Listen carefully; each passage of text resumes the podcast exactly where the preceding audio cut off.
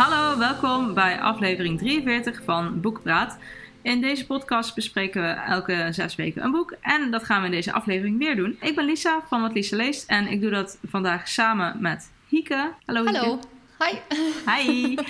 Eh, en het boek wat we in deze aflevering bespreken is De Liefdeshypothese van Ellie Hazelwood. Wat moet ik eigenlijk nog meer zeggen hierover? Nou, ik moet vooral zeggen, ik heb hem in het Engels gelezen, eh, The Love Hypothesis. Ik ook. En volgens mij hebben bijna alle mensen die reacties hebben opgestuurd hem ook in het Engels gelezen. Ik weet van één persoon zeker dat hij het in het Nederlands heeft gelezen. Maar eh, hij is nog niet zo heel erg lang in het Ne- Nederlands beschikbaar. Dus eh, dat zou misschien dat kunnen verklaren. Het is een heel erg populair boek geweest, of nog steeds op TikTok. Dus misschien dat dat ook heeft beïnvloed waarom zoveel mensen hem in het Engels lezen. Ik heb het idee dat ik normaal nog iets anders erbij zeg, maar dat heb ik. Nee, toch? Een korte uitleg waar het over gaat, maar dat komt denk ik nog. Ja, dat komt nog. Ja, maar ik heb het idee dat ik in de introductie iets, met, iets heb Iets overgeslagen. Van, iets van de vorige aflevering of de volgende. Nee. Nee, nee, het zal wel. ik vind het allemaal prima. Ehm, nou ja, de liefdeshypothese. Ik ga hem waarschijnlijk de helft van de aflevering de Love Hypothesis noemen. Yep. Maar dan weten we allemaal waar we het over hebben. Het is een boek van Ellie Hazelwood en het is een eh, romcom eigenlijk. Eh, het lijkt wat dat betreft een beetje op de Hating Game die we al hebben gelezen. En ook een beetje op eh, Red, White en Royal Blue. Ja. Eh, en ik besef me nu dat ik alle titels tot nu toe in het Engels heb gezegd. Ja, ik heb ze ook allemaal in het Engels gelezen. Dus ik lees de laatste tijd ook heel veel Engels. Dus Ja. mijn, mijn hersenen zijn een beetje gewired op Engels op het moment. Maar inderdaad, ehm, eh, Ik Niet Op Jou van Sally Thorne hebben we besproken in de boekenclub. En ook Oh ja. Rood, Witte Koningsblauw van Casey McQuiston. Die hebben we ook besproken in de boekenclub. Dus daar heeft het wel een beetje dezelfde vibes mee. Ehm, met Rood, Wit en Koningsblauw vanwege het fake dating. En in Rood, Wit en Koningsblauw is dat dan fake friendship. Maar nog steeds... Je doet het naar de wereld toe alsof je elkaar heel aardig vindt, terwijl dat eigenlijk niet zo is. Nou, en ze gingen uiteindelijk wel fake dating ook hoor. Nou, dat was misschien meer echt dating, maar nog Ze gingen- geheim houden. Precies, ze gingen echt daten, maar ze Ja. deden naar de wereld alsof het vriendschap was. Ja, ja, ja. Dus de liefdeshypothese gaat over Olive en Adam. En Olive is een eh studente, een postdoc, weet ik veel, postgrad, graduate student. Ik heb echt geen idee hoe dat... PhD iets of zo. Ik, was- ik snap nooit precies hoe al die termen werken en welke stapjes iemand. eh, wat, Ja. wat zeg maar de op, juiste opvolging is. Ik heb ook het idee dat dat in de eh, beta-kant, waar dit over gaat, eh, biologie en scheikunde en dat soort dingen, dat het daar wat anders is dan bij mij. Want ik doe natuurlijk nu een master.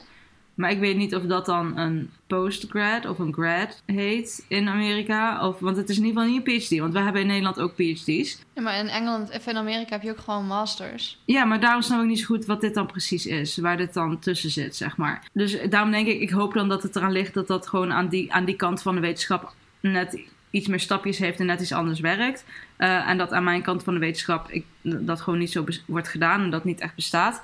Want anders ben ik heel dom. Dus, Ik denk wel dat het met PhD te maken heeft. nee, want er wordt op een PhD is gegeven een moment... doctorate en een postdoc doe je dan toch nadat je dat hebt gehaald. En een grad student is een graduate student, denk ik. Dus ik denk dat dat iemand is die al is afgestudeerd, maar dan nog onderzoek gaat doen. Misschien als voorloper op een PhD of postdoc of weet Ik, heb, ik, ik, ik weet het dus niet, maar Hadden ik, we dit moeten googlen? In dit boek wordt in ieder geval wel een keer gezegd eh, van... eh, oh, er zijn de PhD-studenten. Dus dat is zij niet. Nee. Nee, oké. Maar goed, het komt erop neer. Olive is een soort student. Ze doet onderzoek. Ze doet onderzoek inderdaad. En, eh, maar wel ook voor een, een cijfer. Volgens mij uiteindelijk. Ze moet een en je krijgt er wel voor betaald, maar dan Ja. minimaal. Misschien is het vergelijkbaar met een soort van stage-achtig iets, maar Ja. dan voor, voor de universiteit. Ja, en het zelf is ook, ze moeten echt doet. ziek veel werk voor doen, vind ik. Ja. Ja. Eh, ik had namelijk tijdens het lezen de hele tijd dat ik me heel erg schuldig voelde dat ik dit boek aan het lezen was in plaats van zelf aan mijn scriptie te werken. maar goed, Olive is een student eh, en ze werkt heel hard. En eh, ze heeft een vriendin, die heet Anne. En Anne is eigenlijk verliefd op de jongen waarmee Olive een keertje op date is geweest. En Anne die wil eigenlijk niet dat toegeven, want ze heeft het idee dat ze die dan van Olive afpakt. En Olive die is zoiets van, nou ja, ik, ik heb nooit gevoelens voor hem gehad, maar hoe kan ik dat Anne duidelijk maken? Door een random guy te zoenen. En dan denkt zij dat ik aan het daten ben met iemand. Nou, eh, dat gaat ze doen. Die random Nou, volgens guy... mij had ze gezegd dat ze een date had. ja, ja, ze had ook gezegd dat ze een date had. En was ze toen toch in het lab. En toen kwam Anne binnen. En toen dacht ze: Oh, hoe laat ik dit nou op een date lijken? Weet je wat? Ik zoen een, de eerste, de beste gast die ik zie. Ja. Wat eh solid plan. ja. Nou ja, kijk, in dit geval heeft het goed uit. Spoiler alert. in dit Ja. geval heeft het goed uitgepakt. Oh, dat heb ik nog niet. Dat is misschien wat ik nog wilde zeggen. Ja. Eh, eh, in deze aflevering gaan we het plot bespreken. En eh, er komen dus echt dingen aan bod die misschien geheim hadden moeten blijven als je het boek voor jezelf, voor je plezier nog wil lezen. Dus spoilerwaarschuwing bij deze. Ja. Goeie. Goeie. Ja, ehm, nee, dus zij besluit dan inderdaad eh, random guy te zoenen. En dat is Adam. En Adam is Dr. Carlson. En hij is een beetje de schrik van het biologielab. En iedereen vindt hem zo, oh, zo intimiderend en eng. En ik snap wel een beetje hoe je je voelt tegenover sommige leraren. Dat je denkt, oh god, ik hoop echt niet dat ik hem heb. Ja, inderdaad. Dat. Dat is hij een beetje. Hij schijnt heel erg gemeen te zijn. En nou ja, daar kom je natuurlijk in het boek ook wel achter. Eh, dus per ongeluk doen ze hem. En dat is niet wenselijk. Al Nee. zoent hij wel heel goed. Ja. Ja. Ja. En dan besluiten ze een fake date te gaan doen. Te, te gaan fake daten. Omdat Olive dan de leugen naar Anne kan volhouden. En voor Adam eh, kan hij dan funding krijgen. Hij wacht nog op geld, financiering voor een bepaald onderzoek. Eh, wat de universiteit hem niet wil geven, omdat ze bang zijn dat hij naar een andere universiteit gaat overstappen. Dat zou natuurlijk heel erg kut zijn. Ja, en hij hoopt dan door, zeg maar, net te doen alsof hij een relatie heeft, dat de universiteit inziet van, oh, hij, hij is hier in een relatie met iemand, dus hij zal ook vast wel hier blijven en niet naar een andere universiteit gaan. Dus laten we hem zijn onderzoeksgeld geven. Ja, precies. dat is een beetje de redenatie. Nou, allemaal eh, leuk en aardig. Eh, dat is waar het over gaat. Ja, in een nutshell. En dit is dan nog zonder het te spoilen, maar dit is meer de achterkant eh, tekst, flaptekst. Maar inderdaad, eh, de, de rest gaan we nog over bespreken. Ik ga ervan uit dat als je tot aan dit punt bent gekomen van het luisteren, dat je dit boek ook al hebt gelezen. En niet alleen wij gaan dit bespreken, Hieke en ik, maar we hebben ook nog van drie mensen reactie gekregen. En dat zijn drie mensen die jullie allemaal al kennen, want die zijn al een keer in de podcast geweest. Namelijk Aniek, Ellen en Marijke. Dus als je een fanatiek luisteraar bent, dan zou je hun moeten herkennen. Ja, dus die hebben meegedaan. Dus dat is heel erg leuk. Ik kijk er heel erg naar uit om ook hun meningen aan jullie door te geven op deze manier. Ik denk dat we maar gewoon beginnen bij het begin. Ja. Ja, wat is je eerste reactie op dit boek? Nou, ik heb, hem, eh, ik heb hem dus echt een tijd terug al gelezen. In januari, geloof ik. Januari, februari. Begin dit jaar ergens heb ik hem Mhm. gelezen. En ik weet nog dat ik, hem, dat ik het heel erg leuk vond. En volgens mij heb ik dat toen ook nog in spraakberichten en zo naar jou gestuurd. Van, eh, oh, ik heb dit boek gelezen en het is zo leuk. En ik had het inderdaad op TikTok voorbij zien komen. Dus ik ben volledig eh, schuldig aan die hype. Ja. Maar eh, ja, ik vond het een heel leuk boek. En toen je zei dat je die voor de podcast ging doen, toen dacht ik in eerste instantie, oh, dan ga ik hem opnieuw lezen. Maar ik moet eerlijk bekennen dat dat niet helemaal ervan is gekomen, omdat ik een beetje een drukke periode heb gehad. Eh, en een andere boek aan het lezen was, waar ik dan Mhm. niet mee kon stoppen. Dus ik heb nu een, eh, een samenvatting gelezen van het boek, hoofdstuk per hoofdstuk. Om even te kijken van, oh ja, weet je, je, ja, je weet de, rood, de, hoe heet dat, de grote lijnen, die weet je nog wel. Maar echt de, de details, die, eh, nou ja, die, daar moet ik me misschien een beetje schuldig gaan maken. Maar ik vond het gewoon eigenlijk een hele, het las heel lekker weg. Gewoon een hele, ja, wat je zei, eigenlijk een romcom.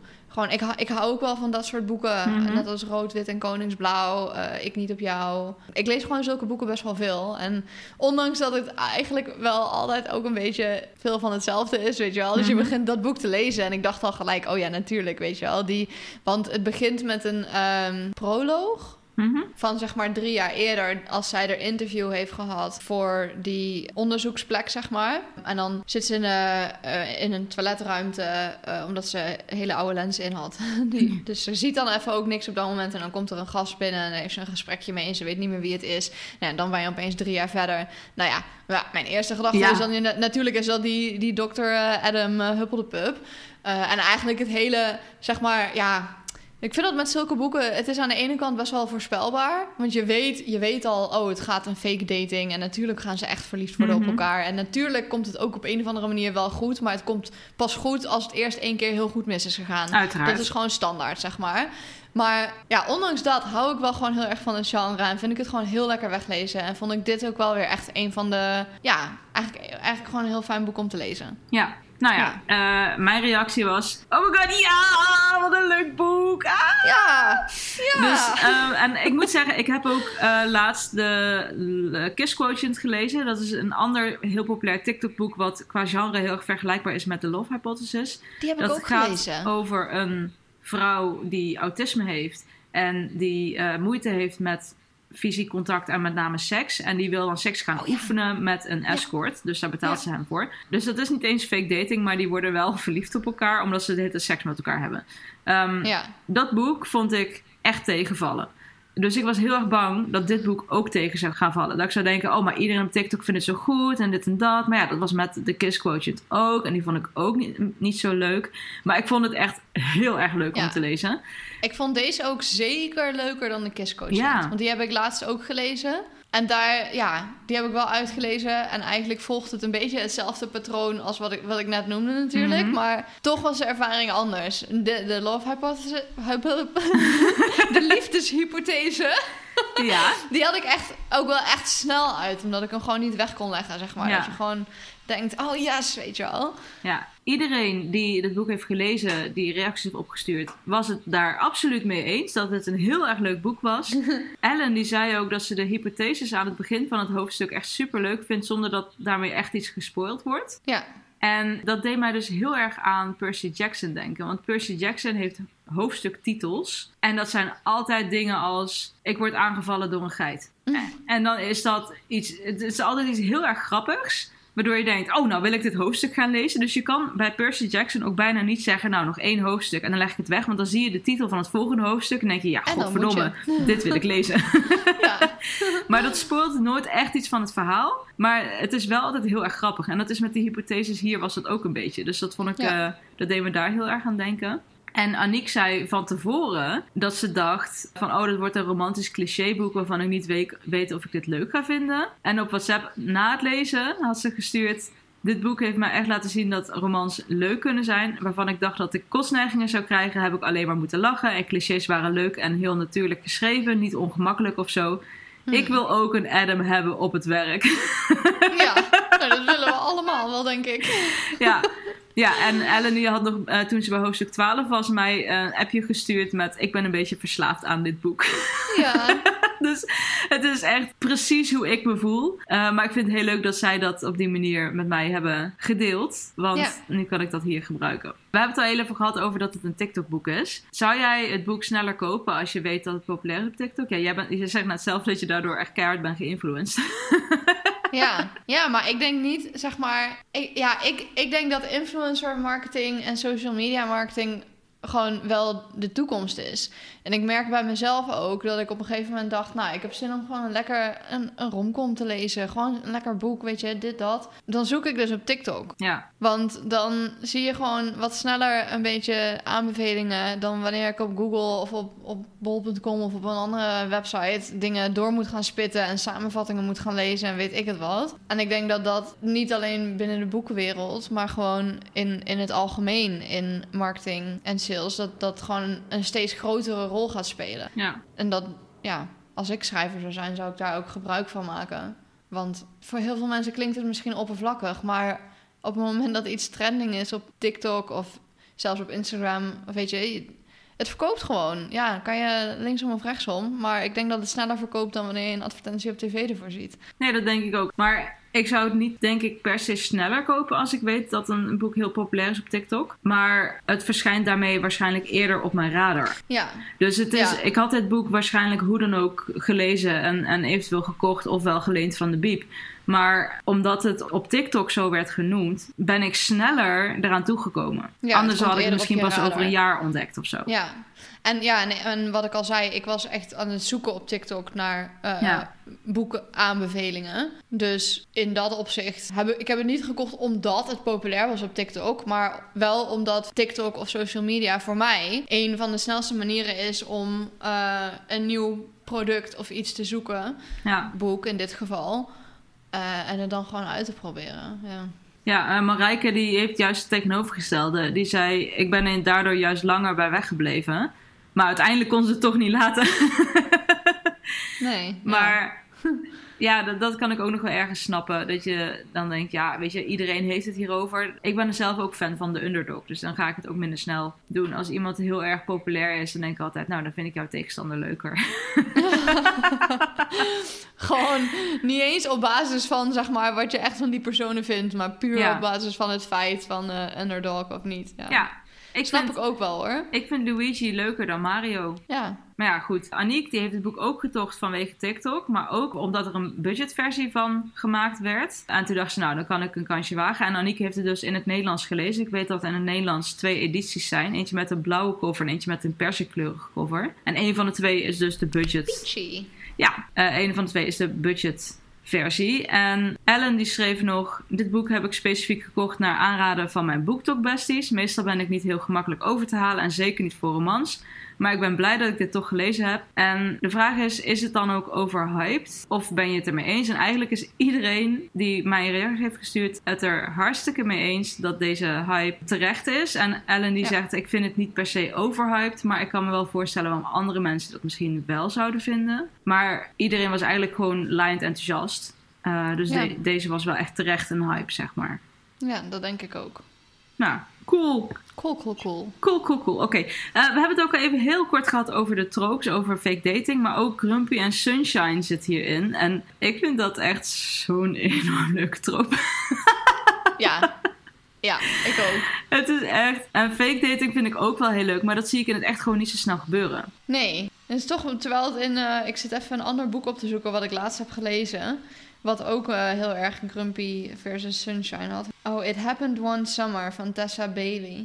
Oh ja, Dat niet gelezen, echt- van gehoord. Ja, dat is ook echt een Grumpy versus Sunshine. eh. En waar, wat ik, ja, ik vind, dat, ik vind dat gewoon heel erg leuk. En ik weet niet waarom, want ik vind dat er, dat er in zulke boeken in het algemeen altijd heel erg stereotyperend een man wordt neergezet als groot en sterk en chagrijnig en eh, nou niet romantisch allemaal en dit en dat. En de vrouw is altijd heel klein en iel en een springding en oeh, vrolijk. En dat had ik bij dit boek dus wat minder, zeg maar. Het was wel de Grumpy versus Sunshine, Mhm. maar ik had niet het gevoel... Het is lang geleden dat ik hem heb gelezen. Maar ik had... Misschien, dus misschien moet jij zeggen als ik het eh, fout heb. Voor mijn gevoel werd er niet zo heel erg de nadruk gelegd op... Oh, hij is een grote, sterke man met armen als kabelspieren en dit en dat. En zij is een klein petit meisje en eh, oeh, hij gooit er zo in de lucht. Oh, dat zeg maar.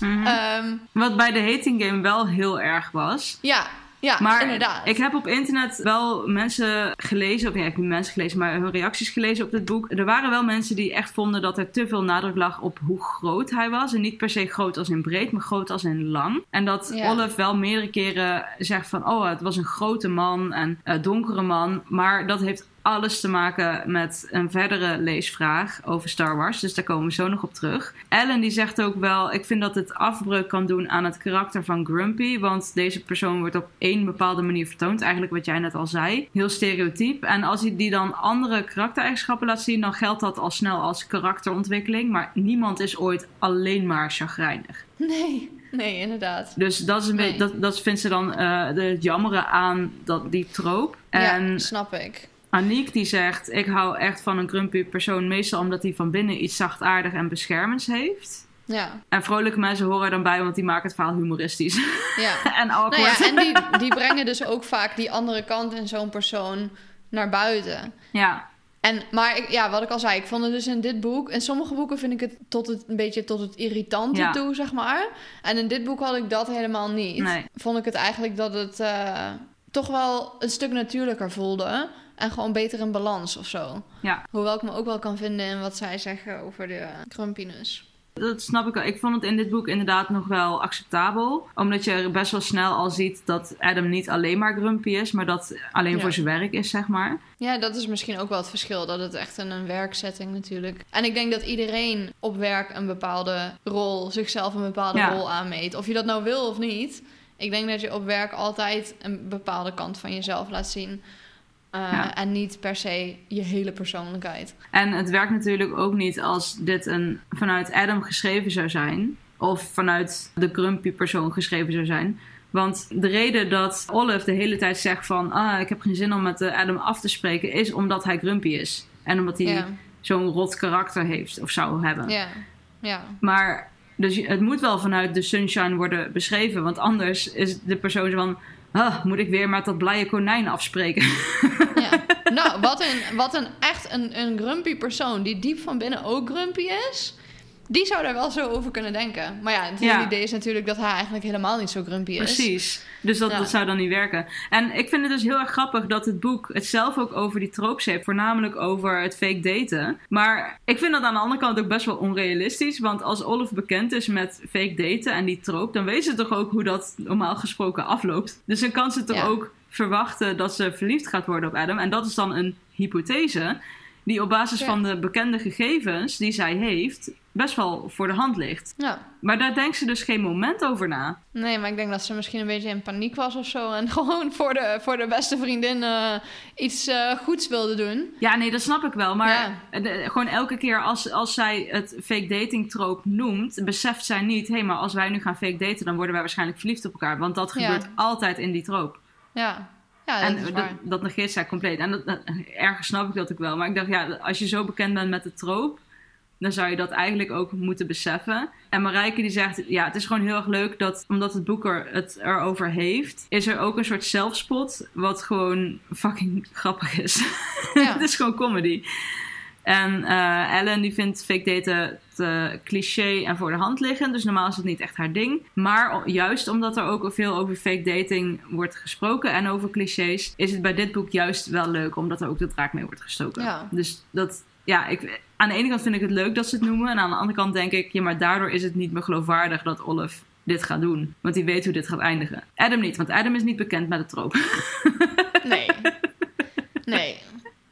Maar ja, ik snap wel wat je zegt. Maar ik heb dat, mij is dat eigenlijk helemaal niet opgevallen. Misschien ben ik een soort van Olive. Ja, misschien. Er is dan nog iets wat we al eh, kort genoemd hebben, namelijk het formaat van Adam. En dat heeft dus te maken met Star Wars. Want dit boek is een Relo fanfic. En Relo is de fanfiction over Rey en Kylo Ren uit Star Wars episodes 7, 8 en 9. Mhm. En Kylo Ren is breed, heeft donker krullend haar, heeft een grote neus, heeft eh, eigenlijk alles hoe Adam fysiek wordt beschreven. Dat is hoe Kylo Ren is. En Kylo Ren is dus ook een grote man. Die Ja. acteur blijkbaar is groot. Eh, ik had dat niet, in, in films zie ik dat nooit per se zo. Maar als je ze dan naast elkaar ziet, dan denk ik, oh verrek, hij is groot. Dus wat het boek bij mij heeft gedaan, is, ik wist dit van tevoren. En daardoor is in mijn hoofd zijn Adam en Kylo Ren een beetje samengekomen. Dus het is niet per se dat ik dit las alsof Adam Kylo Ren is. Maar Mhm. Kylo Ren is in mijn hoofd ook een beetje meer zoals Adam geworden.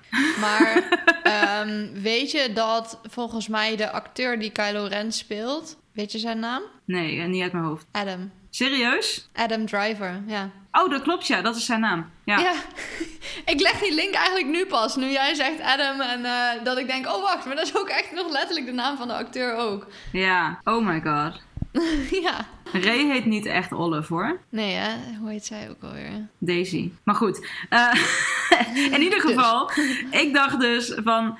Oh my god, dit is Kylo Ren. Maar Kylo Ren is in mijn hoofd ook meer Adam geworden. Mhm. Omdat het, het- ze zijn een soort van in elkaar ge, gemorfd. Samengesmolten. Ja. dus, maar, en, maar het is wel, als ik dit niet had geweten, had ik het waarschijnlijk ook niet erin gezien. Nee, want ik had het niet erin gezien. Ik Ja. heb het niet erin gezien. Nee. En eh, ik vind het sowieso leuk als er referenties worden gemaakt naar Star Wars in een boek. Eh, maar in dit boek is dat dus nog extra grappig. Hm. Maar bijvoorbeeld ook in Rood, Wit en Koningsblauw hebben Alex en Henry volgens mij een hele discussie gehad over welke Star Wars film het beste is. Ja, klopt. Ja. En dat vind ik dan heel erg leuk, omdat ik denk, ai, ik ken dit, ik ken dit. ai. Ja. ik vind dat ook altijd leuk hoor. Maar sowieso referenties ook naar bijvoorbeeld als er bands genoemd worden die ik Ja. ken. Of liedjes die ik ook leuk vind. Of films of series inderdaad. ja. Ja, Ja, en weet je, net zoals met, met de trooks, waar dan met een soort zelfspot naar gekeken wordt, zorgt dat dit soort dingen, die referenties, zorgt best wel voor humor. En dat het boek Ja. zich gewoon niet al te serieus neemt. En dat maakt het Ja. gewoon, wat mij betreft, heel erg leuk. maar het maakt het voor mij ook altijd een soort van realistischer, zeg maar. Als in een boek bands of artiesten of series besproken worden of genoemd worden die ik ken, Mhm. dan plaatst dat het boek voor mij in mijn wereld. Zeg maar, waardoor het een stukje realistischer wordt. Zeg maar. Kijk, in fantasyboeken komen zulke referenties volgens mij niet zo vaak voor. Zeg ik dat nou? Nee, lees niet ja, zo heel vaak fantasy. Want dat is in een andere wereld vaak, dus daar Ja. bestaan de Beatles niet. Nee, inderdaad. Maar daar, ja, dus het hoort misschien ook wel gewoon een beetje bij het feit dat, dat dat boek ook zich gewoon in deze wereld afspeelt. Maar het maakt het voor mij dan de personages misschien wat herkenbaarder. Ja, maar het maakt het ook wat gedateerder. Een boek Ja. wordt daarmee heel erg binnen een bepaalde tijd geplaatst. Ja. Eh, en Star Wars is eeuwig. Ja, Eh, net zoals Starbucks. In dit boek wordt heel veel bij Starbucks gedronken. Ja. Aniek schreef daarover... Ja, ik hou ook van een pumpkin spice latte. maar dat is wel iets echt van deze tijd. maar dat is, iets van, maar dat is wel Ja. ook in dat opzicht tijdloos. Dat is niet heel specifiek. Als je het nu gaat hebben over... Want we zaten lekker de Power Rangers te kijken. Ja, de Power Rangers zijn niet meer op tv. Ja, nee, dat is inderdaad dan echt een andere tijd. Ja, dus dan... En soms werkt dat heel goed, hè? Want dat andere boek van eh, die schrijfster van Rood, Wit en Koningsblauw, hoe heet Mhm. dat andere boek nou? One last stop. Ja, daar is iemand uit het verleden die vastzit in de, in de metro. En die luistert dus ook echt naar bands meer vanuit de jaren tachtig Ja. en zo. En dan, dan klopt het weer heel erg bij het verhaal, omdat dat natuurlijk Ja. in ja, haar Nee, tuurlijk. is. En eh, ik ben nu een verhaal aan het lezen. Een verhaal? Ik ben een boek aan het lezen. ik ben een boek aan het lezen. En eh, daar daar zit een personage in wat alles vintage heeft. Die draagt vintage kleding, heeft een vintage auto. En die luistert naar muziek uit de jaren 60, 70. Ja, En dat wordt dan dus genoemd, maar dan past dat. Maar in principe, kijk, als, als de hoofdpersonages in een boek naar een Britney Spears concert gaan, of een Backstreet Boys Ja. concert, dan is dat automatisch in de jaren, 90. la- ja, late jaren 90, begin jaren 2000. Ja. En dan, dan als lezer, kijk, ik heb die tijd meegemaakt, dus ik weet heel goed, oh, dat is die tijd. ik trek mijn heupbroek aan en we gaan. Ja, maar als je tien jaar jonger bent dan ik, en dan lees je ook zo'n boek en denk je, ja, wie de fuck zijn de Backstreet Boys? Ja, maar die zijn toch wel. eh, Zijn die dan misschien niet. Maar ja, ik zie ook wel eens. eh, dus op TikTok of Instagram van die eh, eh, reels of TikToks. Met als je deze songs uit de jaren 80 kent en zo, weet je wel. En dan, Mhm. dan zijn er dus gewoon mensen die al die nummers niet kennen. En dan Ja. denk ik, hoe is dat mogelijk? Ja. Maar blijkbaar is het dus mogelijk. Ja, dat nee, maar mensen dan dus ook zoiets als de Backstreet Boys niet kennen. Terwijl ik denk, nou, volgens mij moet iedereen dat toch wel. Er hoort toch nog steeds af en toe wel eens die nummers op de radio en zo. Ja, ja. Nee, tuurlijk, dat Ja. is ook wel zo. Maar ja, als je bijvoorbeeld niet... Ik luister niet heel vaak naar de radio. Ik luister op Spotify naar de muziek die ik leuk Ja. vind. En niet de muziek die ik niet ken. Ja, maar als je in een supermarkt of zo loopt. Ja, dan, want dat is eigenlijk ook wanneer ik... Maar dan weet je misschien ook de artiesten niet of zo. Nee. Dus ik snap het wel. En tegelijkertijd denk ik soms echt... Hoe kan het dat je dit nummer niet kent? Ja. Nee, maar dus dan, dan is het altijd veiliger om dat met klassiekers te doen. Zoals met Ja. Star Wars. Of zoals Ja. het boek wat ik nu aan het lezen ben. Daar gaat ook heel erg over... eh, er worden heel veel referenties naar de Beatles gemaakt. En de Beatles Hm. zijn... Ook voor ons zijn die al lang uitgestorven, zeg maar. Ja. maar die leven wel nog steeds. ja, die zijn ook inderdaad wel tijdlozer dan de Backstreet Boys. Ja, daar eh, Ja. lijkt het wel op. eh. Hoe jammer dat ook is voor de Backstreet Boys. Ja, ja. maar ehm, dus met dat soort verwijzingen naar, naar populaire cultuur moet je altijd, denk ik, wel oppassen. Eh, maar met Star Wars kan dat prima, want Star Wars is Ja. al sinds de jaren. Ik weet niet wanneer de eerste Star Wars uit is gekomen. Jaren eh, 80? Nee, eh, jaren 70. 70? Ja. Ja, want ik weet dat in That 70 Show ze een keertje naar de Star Wars in de bioscoop gaan. Oh ja. Ja, dus dan moet, het, dan moet het inderdaad in die tijd zijn. ja, ehm, dus in de jaren zeventig. En, en dat leeft nog steeds. Dus dat kan je heel goed gebruiken als, eh, ook als referentie. Ik ben heel erg boos op al mijn eh, medelezers. Ellen, Marijke en Aniek hebben allemaal Star Wars nog nooit gekeken. Slecht. Erg, toch? En ik wilde eigenlijk voorstellen om gewoon een keertje dan maar een marathon te gaan houden. Maar toen zei Aniek dat ze er ook eigenlijk geen behoefte aan heeft om Star Wars te kijken. Maar dat ze wel Yoda en Chewbacca heel erg leuk vindt. En toen dacht ik, ja, maar... eh, eh, de- eh, je Je kan niet alleen Yoda en eh, Chewbacca leuk vinden. Want ik bedoel... Ah, de, Ewoks. De Ewoks zijn toch leuk? Hoezo kan je die niet leuk vinden? Jar Jar Binks. Ik vind Jar Jar Binks heel erg leuk. Ik weet dat heel veel mensen een hekel hebben aan Jar Jar Binks. Maar ik vind uh, gewoon zijn naam alleen al is leuk. Dit is het, oh, goed. Maar goed, ik ga dus niet voorstellen om een Star Wars marathon te doen. Want uh, ik wil niemand forceren om van Star Wars te gaan houden. Maar Nee, maar je hoeft ze ook niet te forceren om ze er, ervan te houden. Je moet ze alleen forceren om het te kijken. Ja, maar als gebeurt ze, vanzelf. Als ze het gaan kijken, dan, je kan er toch niet anders dan van houden. Je gaat er toch nee, automatisch precies. van houden. Dus ja, als ja. ik ze forceer om het te gaan kijken, dan forceer ik ze ook om ervan te gaan houden. Nee, nee, dan, dan verrijk je hun leven. Ja, best wel. Oké, okay, misschien gaan we toch een Star Wars marathon doen. maar Ellen, die zei dus dat ze de referenties naar Star Wars wel heel leuk vindt omdat ze ook voor niet-fans te volgen zijn. En er zijn geen hele ja. specifieke dingen die alleen diehard fans weten. Maar ze vond maar wel dat... dat... het heel erg fanfiction overkwam, dit boek. Blijkbaar is dat een bepaalde schrijfstijl. Dat als je fanfiction leest, je precies weet wanneer iets goeds gebeurt en wanneer iets slechts gaat gebeuren. En dat het verhaal een happy end heeft. Maar eigenlijk dacht ik, dat heeft toch elk boek wel een beetje. Zeker in dit genre. En het genre ja. bedoel ik dan zeg maar romcom, young adult. En niet uh, fanfiction, maar... Ja, nee, maar ik weet dat Ellen niet zo heel veel uh, romantische boeken leest. Ja. Zij is meer van de detectives. Sherlock.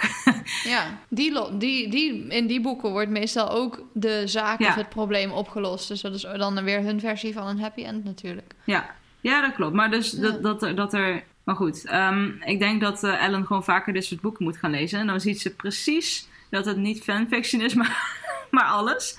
Maar ik ja. kan me dat wel, wel voorstellen. Ik lees zelf gewoon niet zo heel vaak fanfiction. Dus ik weet daar niet zo heel veel van. Maar ik nee, kan me heel goed voorstellen dat je wel het fanfiction gedeelte terug kan zien, zeg maar, in dit boek. Mm -hmm. Dus. Ja, het was mij niet zo heel erg opgevallen ook. Maar ik lees dat inderdaad normaal. Ja. Ook niet zo snel. En dat is dan inderdaad ook wel weer een voordeel van als je naar Star Wars uh, verwijst. Of andere klassiekers. Zelfs mensen die het niet hebben gezien. Die begrijpen die referenties waarschijnlijk ja. wel. Omdat het zo'n zo'n groot iets is eigenlijk. Ja. ja, en er zijn ook memes van, dus je kent wel een paar personages. Ja. Weet ik je, denk dus... niet dat er iemand is die Yoda nog nooit gezien heeft, bijvoorbeeld. Nee, hoe kan je... Nou, ik kan me niet voorstellen dat je Yoda inderdaad nog nooit gezien hebt. Nee. Oké. Okay. dus dat. Ja, maar ja, ik vind het dus wel schandalig dat ze nooit uh, Star Wars hebben gezien. Dus meiden, bij deze ga Star Wars kijken. Yes. Dan gaan we nu wat meer naar de, de, inhoud van het boek. En het is altijd dat die leesvragen voor mij heel erg. De leesvragen zijn precies de dingen die ik vervelend of juist heel leuk vind aan het boek. dus mm -hmm. het zijn altijd dingen die mij heel erg opvallen. Dus we gaan nu inhoudelijk een paar dingen bespreken waar ik ofwel moeite mee had ofwel dacht, jee. Yay. en ik was gewoon benieuwd hoe andere mensen daarover dachten. Ja. Het eerste is dat we uh, op een gegeven moment Greg zien. En Greg die wordt dan boos op Olive. Omdat zij met Adam date terwijl hij een eikel is. Ja. En daarmee is zij dan schuldig aan het gedrag van Adam.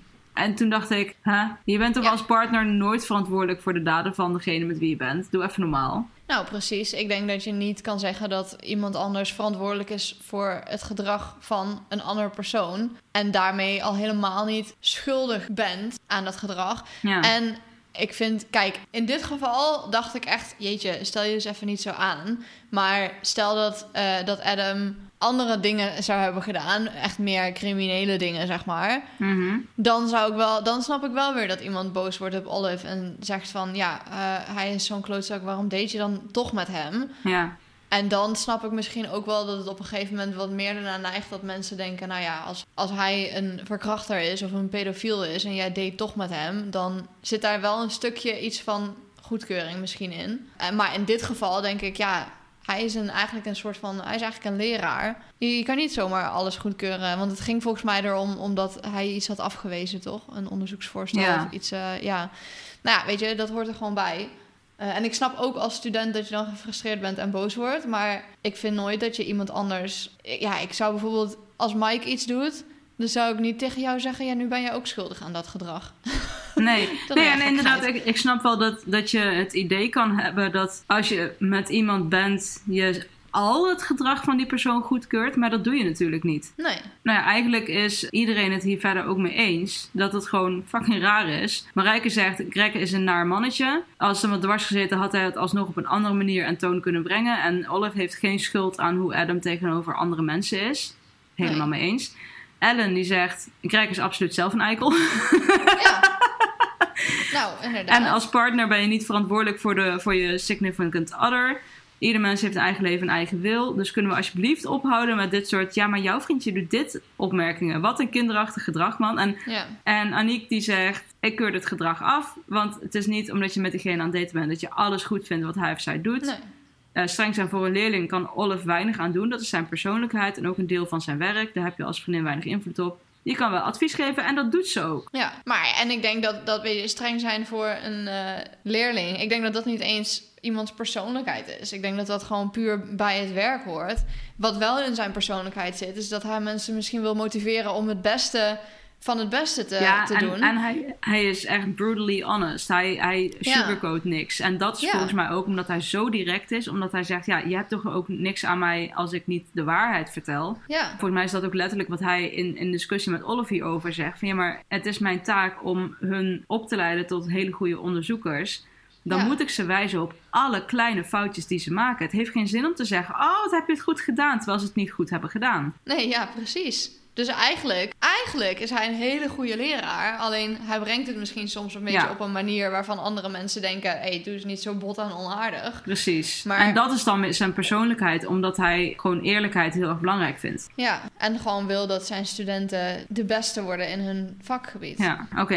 Ik zou nog steeds, ik zou waarschijnlijk huilen als ik een Adam had eh, als docent. Ja, ik ook. Hopelijk niet recht voor hem, maar gewoon thuis in bed. Ja, nou, waarschijnlijk, waarschijnlijk, ik ken mezelf. In de wc op school. Ja. Oh, dat is mij wel eens gebeurd, ja. Oh ja, mij ook. Ja, oké. maar dus Olive is niet een eikel omdat ze met een eikel date. Maar zo'n eikel is Adam ook niet per se. Nee. Als je kijkt wat bijvoorbeeld Tom Benton doet. Nou ja, inderdaad. En dan denk ik iemand, iemand zoals Tom Benton. Ja, als je daarmee date. Maar dan nog zou ik niet per se iemand verwijten schuldig te zijn aan zijn gedrag. Maar zou ik meer me wel zorgen maken over waar dat naartoe gaat. Omdat je ziet wat voor een eikel hij is. En Ja. ja, ik zou dan zoiets hebben van... Zie je zelf niet dat je beter verdient? Waarom blijf je met zo iemand omgaan?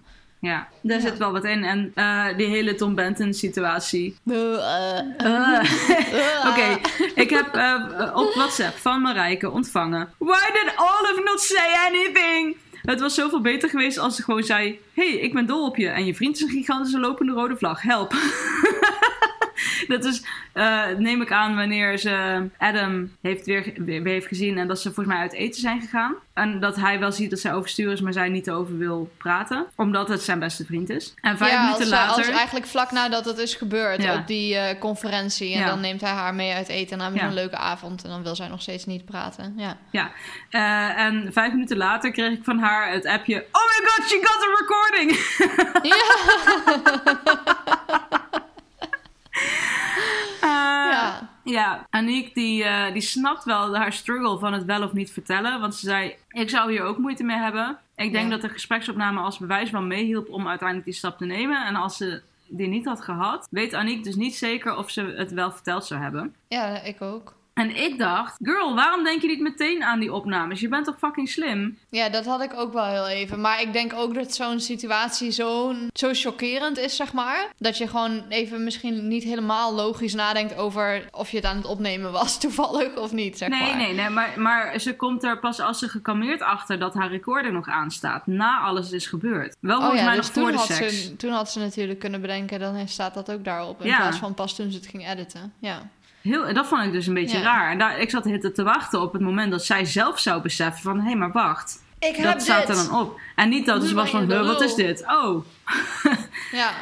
Eh, en ik, ik snap ook niet zo goed waarom je zeg maar wel eh, seks kan hebben met Adam... maar niet eerlijk tegen hem kan zijn over wat er met je is gebeurd. Want ik vind seks ook iets heel intiems. Ja, maar... En ook, ook in deze situatie was het iets heel intiems. Het was niet dat ze dat gewoon even... Oh, booty call, let's go. Dus, en ik snap wel dat Ja. ze bang is... en dat Tom heeft gezegd dat het haar woord tegen het zijne is. Maar Ja. ik denk dan Maar- toch... Als je zo overstuur... Ik kan, ik kan gewoon ook niet zo goed liegen, denk ik. Dus als ik zo overstuur zou zijn... en iemand zou vragen wat is er aan de hand... dan, dan zeg ik gewoon wat er aan de hand is. Ja. Maar ik kan gewoon niet goed liegen... en niet zo goed dat verbergen. Nee. En, Snap ik. Ik denk dat zij aan de ene kant bang is om Adam dan kwijt te raken.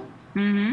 En dat ze bang is dat hij haar niet gelooft. Wat ik Mhm. me wel kan voorstellen. Ja. En ik denk, ik denk dat, dat dit, zeg maar... Het gebeurt natuurlijk in het, in het echte leven ook... gebeuren dit soort dingen ook vaak genoeg. En dan is het ook vaak het woord van de vrouw tegenover het woord van de Mhm. man. Of weet je, als vrouw dat je toch een beetje een soort van ondergeschikte positie daarin hebt. Omdat je al snel wordt weggezet als... Ja, je wilde gewoon seks om omhoog eh, te komen of dit Mhm. of dat, weet je wel. Dus dat is natuurlijk sowieso al een, een beeld wat een beetje... eigenlijk heel erg fucked up is Mhm. in, in de maatschappij waarin we leven.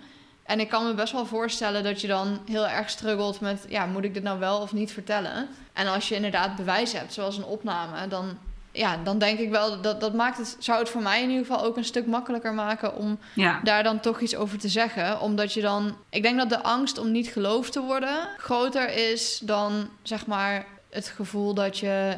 Ja, rechtvaardigheid, of hoe noem je dat wil... voor, Mhm. voor de persoon die zoiets heeft gedaan. Nou ja, en het feit dat ze dit hem niet meteen vertelde, leidt natuurlijk wel tot eh Marijke's favoriete scène. In het restaurant. Ja. Dat- Dat, dat hij ook zegt, ze heeft die quote letterlijk naar mij ingesproken. En ze heeft er later nog getypt. Don't say another word about the woman I love. I rest my case. ja.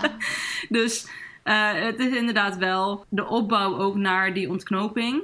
En Ja. dat, dat snap ik, eh, zeg maar verhaaltechnisch snap ik dat. Alleen ik, ik zou gewoon eerder hebben, iets hebben gedaan. Voor iemand die zo slim is en zo integer op zich ook. Omdat je, ja, ik vind Olive wel integer. Behalve dat ze liegt tegen Anne. Dus eigenlijk, hmm. Oké, misschien Ja. is het goed dat ze het niet heeft verteld. Want het leidt ten eerste tot die fantastische scène waar Marijke zo fan van is. En Marijke zegt ook: wat kan je anders als je net voor het eerst echt verliefd bent? En het inderdaad, de, de kans is dat hij daarmee zijn vriendschap kwijtraakt of jou dumpt. Ja, ik, ik, snap, ik snap dat conflict wel heel goed hoor. En, ik en denk het is dat niet de, meest het- handige manier, maar. Nee. nee, maar ik denk in het algemeen dat er vaak wordt, wordt al snel gedacht van ja, zoiets kan je toch gewoon vertellen en dit en dat. Maar ik denk dat het dat ook, aangezien dit boek wel in onze wereld zeg maar zich afspeelt, dat er ook Mhm. genoeg redenen zijn om het niet te doen. Omdat je gewoon, als je geen bewijs hebt, dan word je al snel als leugenaar neergezet. En dan zou het haar haar vriendschap met Adam kosten, op wie ze eigenlijk ook verliefd is. Het zal ook voor, voor haar dan schadelijk zijn voor haar carrière. Mhm. Terwijl dat ook voor haar heel belangrijk is, omdat ze natuurlijk onderzoek doet naar de ziekte waar haar moeder eh, aan is overleden. Om, omdat ze Mhm. wil dat dat eerder gediagnosticeerd kan worden. Dus ik snap haar struggle daarin wel heel erg. En ik denk dat het heel moeilijk is om iemand daar dan over in vertrouwen te nemen en het dan toch te vertellen, zeg maar. Ja, dat denk ik ook. En zeker als Plus die het persoon. hele idee dat er toch natuurlijk ook vaak wordt gezegd van ja, het is je eigen schuld. Had je maar geen kort rokje aan moeten doen of had je maar niet dit of had je, ja, je keek op een bepaalde manier naar. Eh, nou, werd dat natuurlijk in dit geval niet heel uitgebreid besproken, maar ik denk dat dat in het algemeen dat zulke dingen ook meespelen bij een beslissing om, om het wel of niet te vertellen. Omdat je misschien onbewust ergens toch afvraagt: heb ik dan toch iets gedaan waardoor ik die gast blijkbaar de reden gaf of wa- waardoor hij dacht dat hij dat kon doen? Snap je? Ik denk dat jij aan jezelf gaat twijfelen. Ja, Ellen die zegt ook dat ze in eerste instantie heel erg boos werd om hoe respectloos Tom met Olive omging. Welke idioot had nou zoiets in zijn hoofd? Wat een Ja. Ja, inderdaad. En dat vond ik heel erg leuk, want ze zei erbij sorry voor het woord. En ik dacht, oetlul? Ik zei gewoon fucking klootzak, maar goed. Oedlul is echt een schattig woord eigenlijk. Vergeleken bij wat er in mijn hoofd omgaat.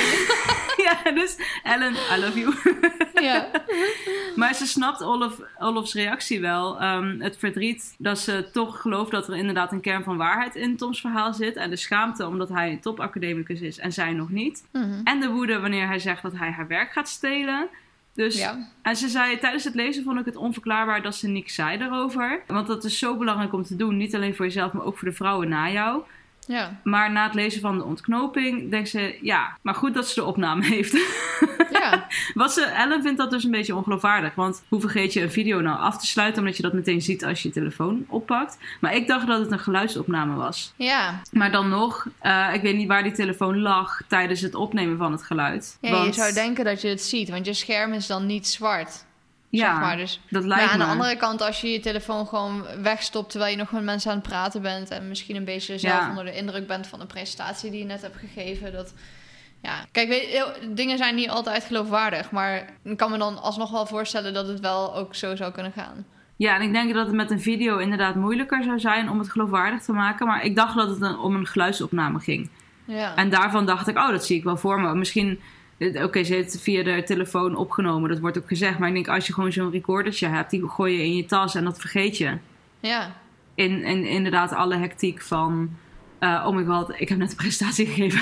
ja, ja. En het was best wel een big deal, dus... eh, ja, dus ik, ik kan ergens wel begrijpen dat, dat het zo is gegaan. Met een video was het inderdaad lastiger geweest. En dan is je telefoon ook echt wel leeg na drie uur. ja. Ja. En anders wil ik graag weten welke telefoon dat was.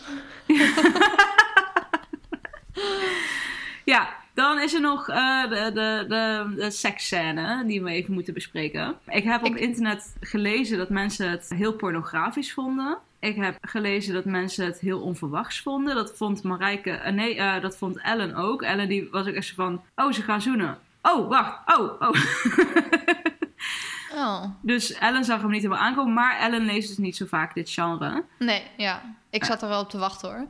Ja, ik ook wel. Maar dat is dus typisch voor een slow burn. Eh, dat betekent dat de aantrekkingskracht langzaam wordt opgebouwd. Ja. Dus dat is ook weer zo'n soort troop wat heel erg populair is. Aniek zegt dat ze het een goed tempo vond hebben van verliefdheid en aantrekkingskracht. Maar het duurde Mhm. te lang voordat ze tegen Adam durfde te vertellen dat ze meer voelde. Ja. En dat vind ik ook wel. Want ik dacht, waarom laat je het gaan? Ik, ik vond het vooral Maar andersom raar. ook hoor. Hij had andersom natuurlijk. Dus ze waren allebei een beetje. Ja, maar zij, zij deed echt zo van... Nee, nu, nu is het klaar. Je hebt jij je afspraak gehouden. Hou maar op. En hij was daardoor zo van... eh, Oké, blijkbaar is dit wat je wil. Dan ga ik daarin mee. Ja, maar nou, dat vind ik een pussy move.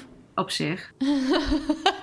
ja, ik vond dus de, de seksscène niet pornografisch. Want ik lees smut. Dus daar is het allemaal veel erger. Ja, ik kan, ik kan me dus de seksscène niet zo heel erg goed herinneren. Nou, het enige... Dat, dat, dat zei ehm Aniek nog... Dat Adam was wel tijdens de seks heel vrouwvriendelijk tegen Olive. En dat was heel fijn om te lezen. Maar er was een kort moment dat ze gesext hadden... En waren klaargekomen. En dat hij haar daarna ging schoonlikken. Hè? En kan me niet herinneren.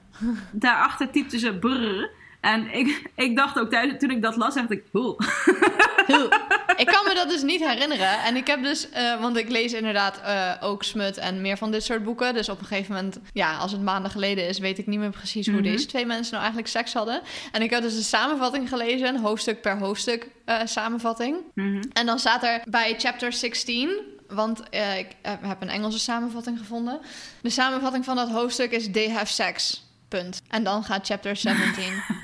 dus toen dacht ik, ja, Nice. nou die vraag die, want ik had die vraag gezien, toen dacht ik, nou daar kan ik dan niet zo heel veel over zeggen, want de samenvatting van dat hoofdstuk is gewoon they have sex. Punt. Ja. Nou, ik vond het vooral eh, een beetje raar om seks te hebben met je fake vriendje. Ook al voel je dingen voor hem, maar dat niet tegen hem hebt gezegd. En het dan letterlijk de dag erna uit te maken, omdat dat is wat je had afgesproken.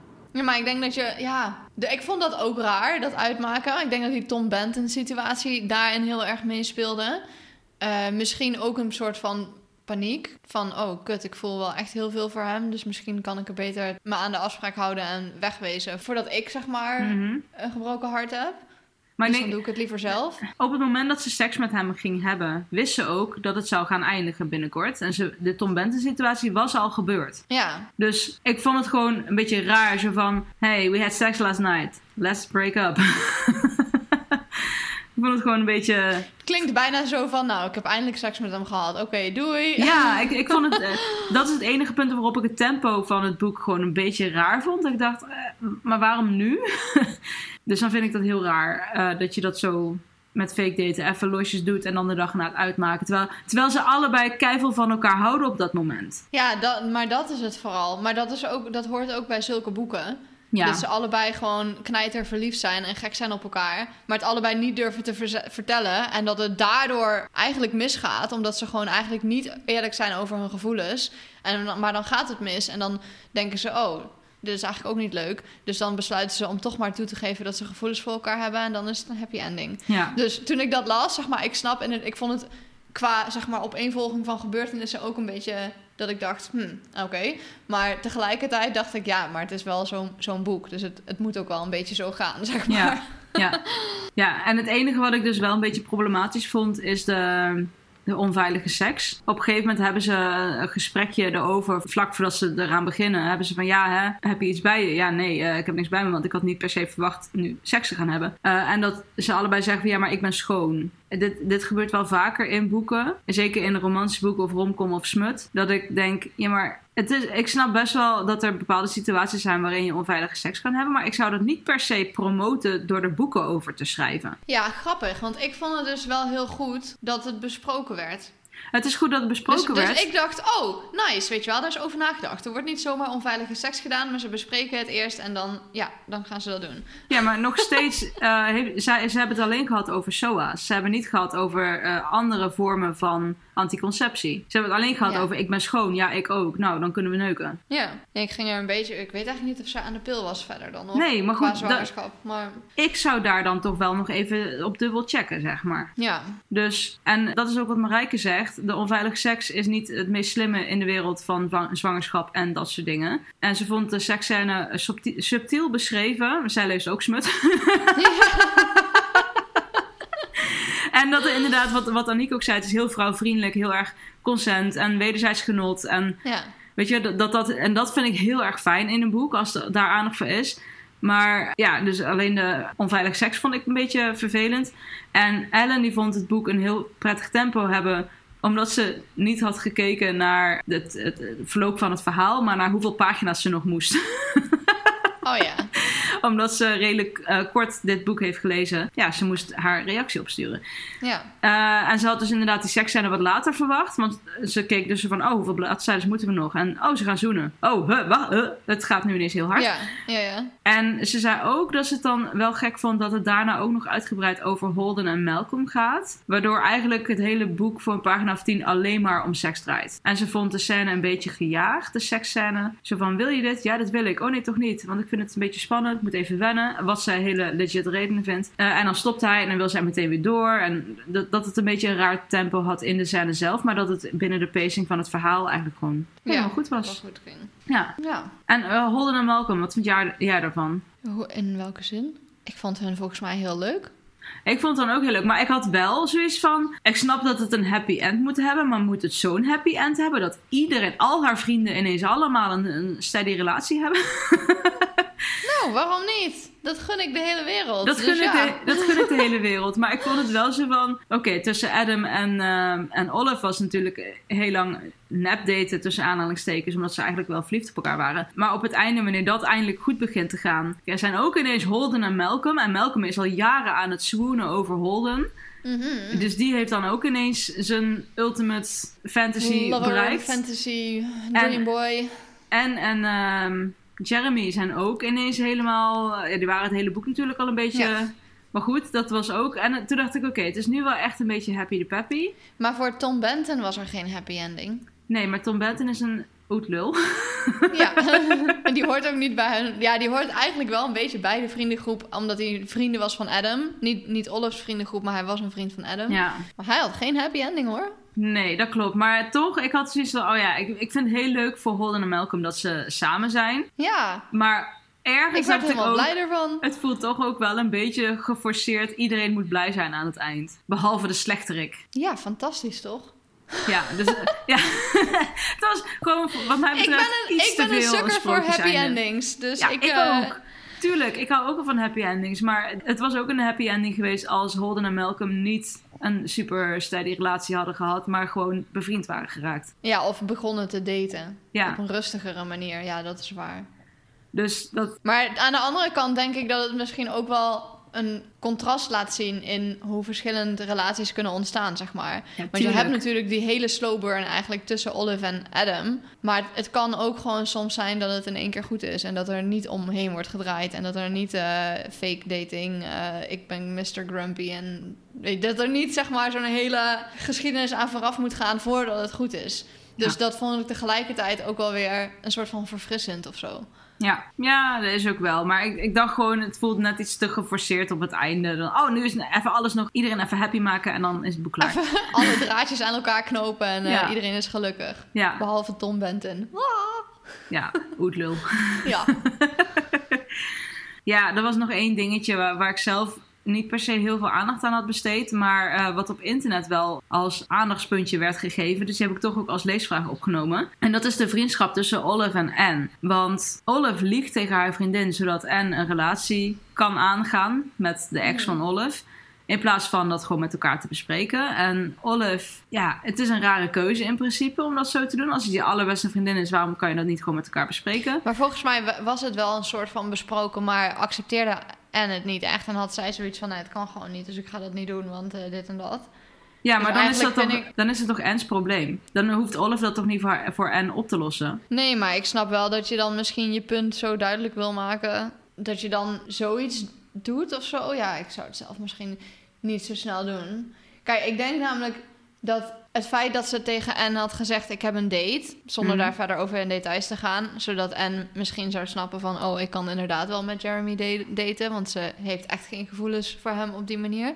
Snap ik. Het was natuurlijk niet de bedoeling dat Anne haar dan zou zien in het lab. En dat ze daardoor met eh, Adam zoent. Mhm. En die hele fake dating aangaat. Ja, dan maak je de leugen gewoon wel echt bizar groot. Maar het feit dat ze zegt: Oh, ik, had- ik heb een date. Kan ik nog inkomen? Ze had alleen dan eigenlijk even moeten zorgen dat Anne haar niet zou zien op die avond. Zodat ze gewoon kon zeggen: Ik heb een leuke date gehad. En eh, klaar, weet je wel. Dat, het werd nu een, Ja, wel maar- een hele grote leugen, zeg maar. Maar als jouw allerbeste vriendin tegen jou zou zeggen... date alsjeblieft met mijn ex, want ik ben over hem heen. Dan, dan denk ik toch, oké, dan doe ik dat. Waarom Ja. moet ze dat bewijzen door met iemand anders te daten? Ja. Nou ja, dat, dat in eerste instantie zeker, inderdaad. En, En zou eigenlijk hoezo gewoon... kan je alleen maar over iemand heen zijn als je met iemand anders aan het daten bent? Is dat de enige manier om over iemand heen te zijn? Je kan ook met iemand anders daten terwijl je nog niet over iemand heen bent. Dus wat dat betreft zegt het Ja. eigenlijk helemaal niks. En je kan ook met niemand daten en toch eroverheen zijn. Ja, inderdaad. Ja, maar dat, want dat is zeg maar, ik vond niet per se de, de, het, het problematisch of zo dat Olive liegt. Ja, ik vind het wel problematisch als mensen liegen. Maar in dit geval dacht ik, nou ja, blijkbaar is dat de enige manier om haar punt duidelijk te maken.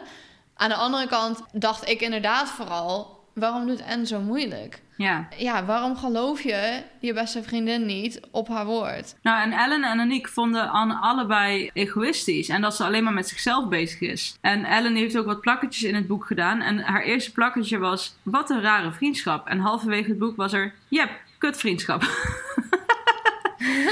Eh, en inderdaad, eh, als je het er meerdere keren over hebt gehad en Anne nog steeds geen actie onderneemt, dan is dat toch haar probleem. Ja, Maar je Olive kan maakt iemand het- niet forceren in, om, Nee. om die stap te nemen.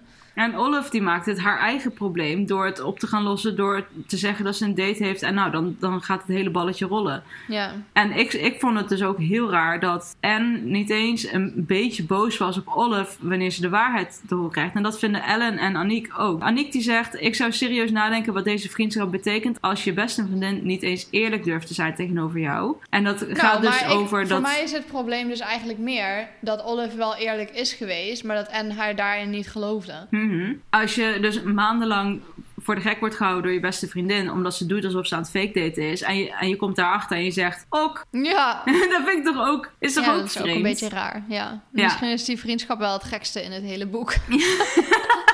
Ja, wel een beetje.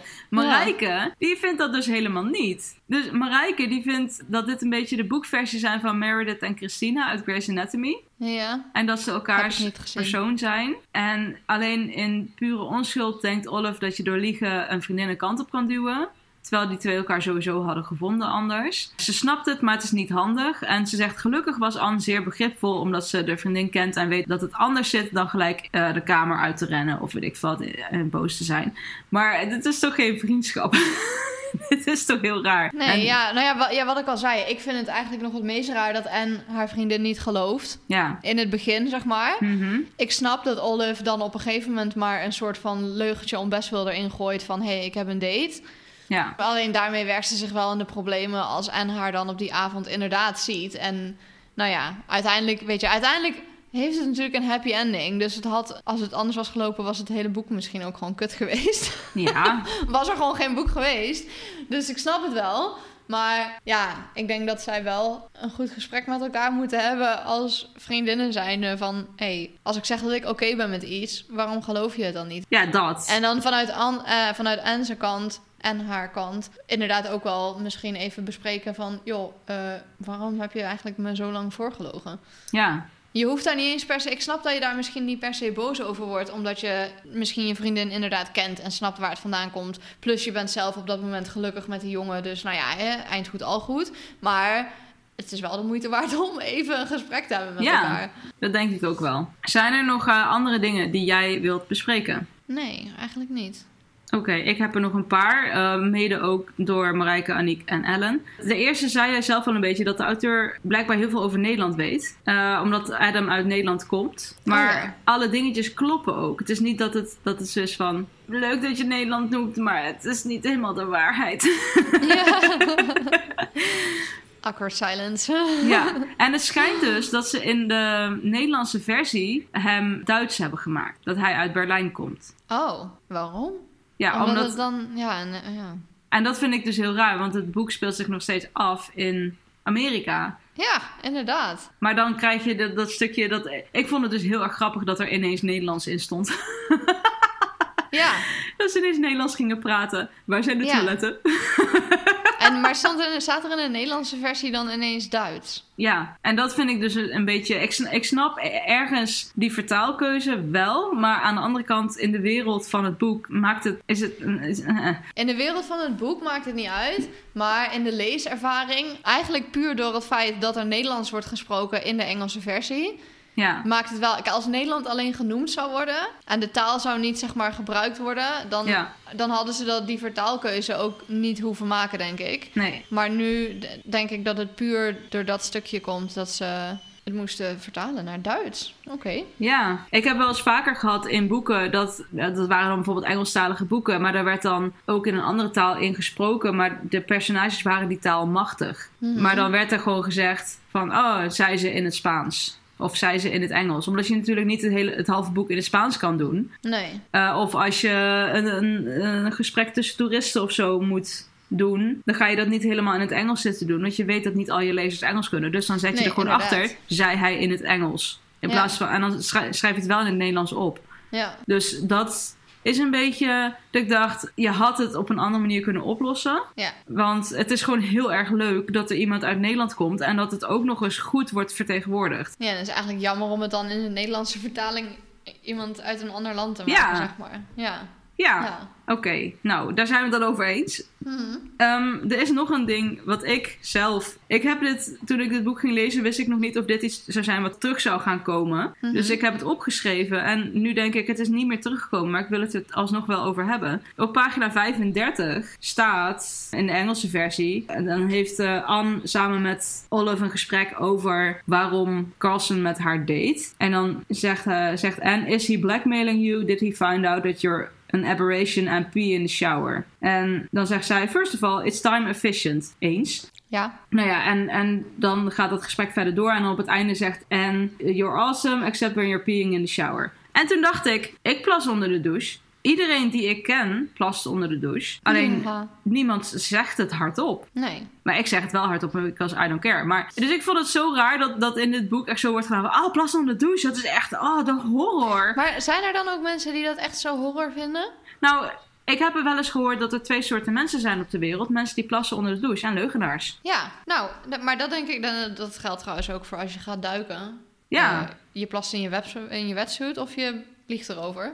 Ja, daarom. Ja, Dus, dus ik dacht, waarom... Dus ik dacht heel even, misschien is dit een dingetje wat zo de hele tijd terug gaat komen eh, in de discussies tussen Anne en Olive. Daarom had ik hem opgeschreven. ja. Maar ik dacht wel, nou, wat is hier raar aan dan? ja. ja, ik vind dat dus ook niet raar. En het is inderdaad time efficient. En je verspilt minder water, want je hoeft de Ja. wc een keer minder door te spoelen. En het is gewoon, als je water hoort kletteren, dan moet je praktisch al meteen. Ja, dus je, je, je- ik snap niet hoe, hoe mensen dat niet doen eigenlijk. Sta je Nee. dan onder de douche zo van... Oeh, hoe plassen, maar ik moet het ophouden en ik ga snel mijn haar wassen. Ja, Ja, dat is toch raar? Nou ja, goed. ja vind ik wel. Dat wil ik nog even zeggen. Dan is er nog, Aniek die zegt nog iets over dat we een momentje moeten hebben voor Holden. Want hij maakt het verhaal ook echt. Hij is echt zo'n typische beste vriend van Adam. Ja. En ik ben het daar heel erg mee eens. Holden Ja. is echt heel erg fijn. Ja, en die zegt dan ook... Maar die denkt natuurlijk ook dat ze echt daten. Dus die maakt dan ook opmerkingen... om eigenlijk zijn gevoelens van Adam voor Olive te bevestigen... terwijl Ja. hij niet weet dat het fake daten is. En dan denk ik, oh heerlijk. Ja, weet je, het is gewoon al... meant to be sinds drie jaar geleden. Klaar. Het, i- ja, maar het is gewoon... Het is- Holden is zo'n leuke, adorable sidekick. Ja. Ja, ja vind ik ook. Ja. Ik was ook echt fan van hem. Dus Aniek, Ja. goed punt. Ja, Ik vond het heel erg grappig dat, er, ehm, dat Adam bang is voor naalden, want dat is Mike ook. Maar Aniek herkende dat dus wel ook heel erg. Want Aniek was ook of zelf bang of haar vriend is bang voor naalden. Maar dat was gewoon een hele grappige scène sowieso. En dat, dat zij dan zo zit van, maar dan krijg je een ijsje. ja. En dat, Nou, toen dacht ik, nou, ik wou dat iemand dat tegen mij zei als ik een prik moet. ik zou, om die reden wil ik gaan doen alsof ik prikken eng vind. Want ik wil ook een ijsje. je ijsje krijgt. Nou, als ik een keer een prik moet, wil jij dan mee? En dan, dan hoef jij niet te doen alsof je het eng vindt, want ik vind het al echt eng. En dan kunnen we wel allebei een ijsje erna halen. Ja, is goed. Ehm, en als laatste had Ellen nog over eigenlijk het hele Star Wars verhaal en Kylo Ren en, eh, en Adam. Dat zij, omdat zij Star Wars niet kent, heeft ze niet zoiets van, oh, hij is van Star Wars. Maar wel, hij deed haar heel erg aan Sherlock denken. Oh, ja, dat ken ik dan weer iets minder. Nee, ik ken Sherlock ook niet zo heel goed. Maar dat is, dat is zeg maar wat Ellen het, het liefst leest. Dat zijn haar lievelingsboeken. En nou denk ik dus dat Sherlock... In mijn hoofd is Sherlock niet per se heel erg aantrekkelijk. Nee, maar, maar misschien dus toch wel. nu dus wel. Ja. ja, grappig hoe dat werkte. Ja, ja, dat waren de opmerkingen die, eh, die Ellen en Aniek nog hadden. Marijke had er ook nog een, maar die heb ik al eerder in de aflevering genoemd. Dus die hoef ik niet te herhalen. Dat was het. Meer heb ik niet Yes. te zeggen over dit boek. Ik ook niet. En we hebben al flink wat gezegd, dus ik denk dat het op zich ook wel goed is. Zal Mhm. ik dan even gaan aankondigen welk boek we hierna gaan lezen? Ja. Oké, ehm, voor de vaste luisteraars weten dat natuurlijk al lang. Maar dat is het boek Hex, H-E-X, van Thomas Oldeheuvelt. Dat is een fantasy. Hij heeft een award gewonnen voor een fantasy iets. Maar er zit ook wel een beetje een thrillerrandje aan. eh, omdat het wel gaat over een heks. Maar ik ben heel erg benieuwd naar dit boek. Want ik heb echt heel veel zin om het te lezen. Dus die bespreken we over zes weken. En wat we over twaalf weken gaan doen, weet ik nog niet. dus daar hou ik je over op de hoogte. Top. Ehm, verder is het natuurlijk nu zomervakantie. En ik hoop dat alle luisteraars die al op vakantie zijn geweest, of al eh, of zijn nu, een hele fijne vakantie hebben of hebben gehad. En iedereen die nog op vakantie gaat, wens ik bij deze alvast een fijne vakantie. Dat ga ik niet elke aflevering doen. Het is gewoon zomer en dat is hartstikke leuk. Kun je lekker veel boeken lezen aan het strand en zo. Heerlijk. Ja. Yes, yes, yes. Ik heb denk ik verder niet zo heel veel meer te zeggen. Behalve dat ik het heel leuk vond dat eh, Ellen, Marijke en Aniek hun bijdrage hebben gedeeld met ons. Heel erg bedankt daarvoor. Ja. En eh, eigenlijk kwam dat heel erg goed uit omdat jij, eh, Hieke, het inderdaad nog niet zo eh, recent had gelezen. Nee, een tijdje terug. Maar volgens mij, volgens mij weet ik, wist ik nog best wel veel dingen. Behalve de seksscène dus. ja. Nou ja, als ik jou zou ik gewoon hoofdstuk 16 nog een keer lezen. Ja, nou, ik denk dat ik dat maar ga doen. Ja, ehm, ik kijk heel erg naar uit om de volgende afleveringen te gaan maken. Want er staan echt nog superleuke dingen op de planning. En tot die tijd, fijne dag, leven. Ja, Tot dan. tot dan. Doei doei. Doei! Boekenpraat is een podcast van Wat Lisa leest. Steun de podcast via Patreon en krijg toegang tot extra afleveringen, cadeautjes en meer. Dit kan via www.patreon.com slash boekenpraat. Wil je liever in contact komen met andere luisteraars? Check dan de Discord-server via de link in de beschrijving. Ga voor meer informatie over de podcast naar www.watlisaleest.nl slash podcast of mail naar podcast.watlisaleest.nl. Schrijf je ook in voor de nieuwsbrief via de website, dan blijf je altijd op de hoogte. Bedankt voor het luisteren.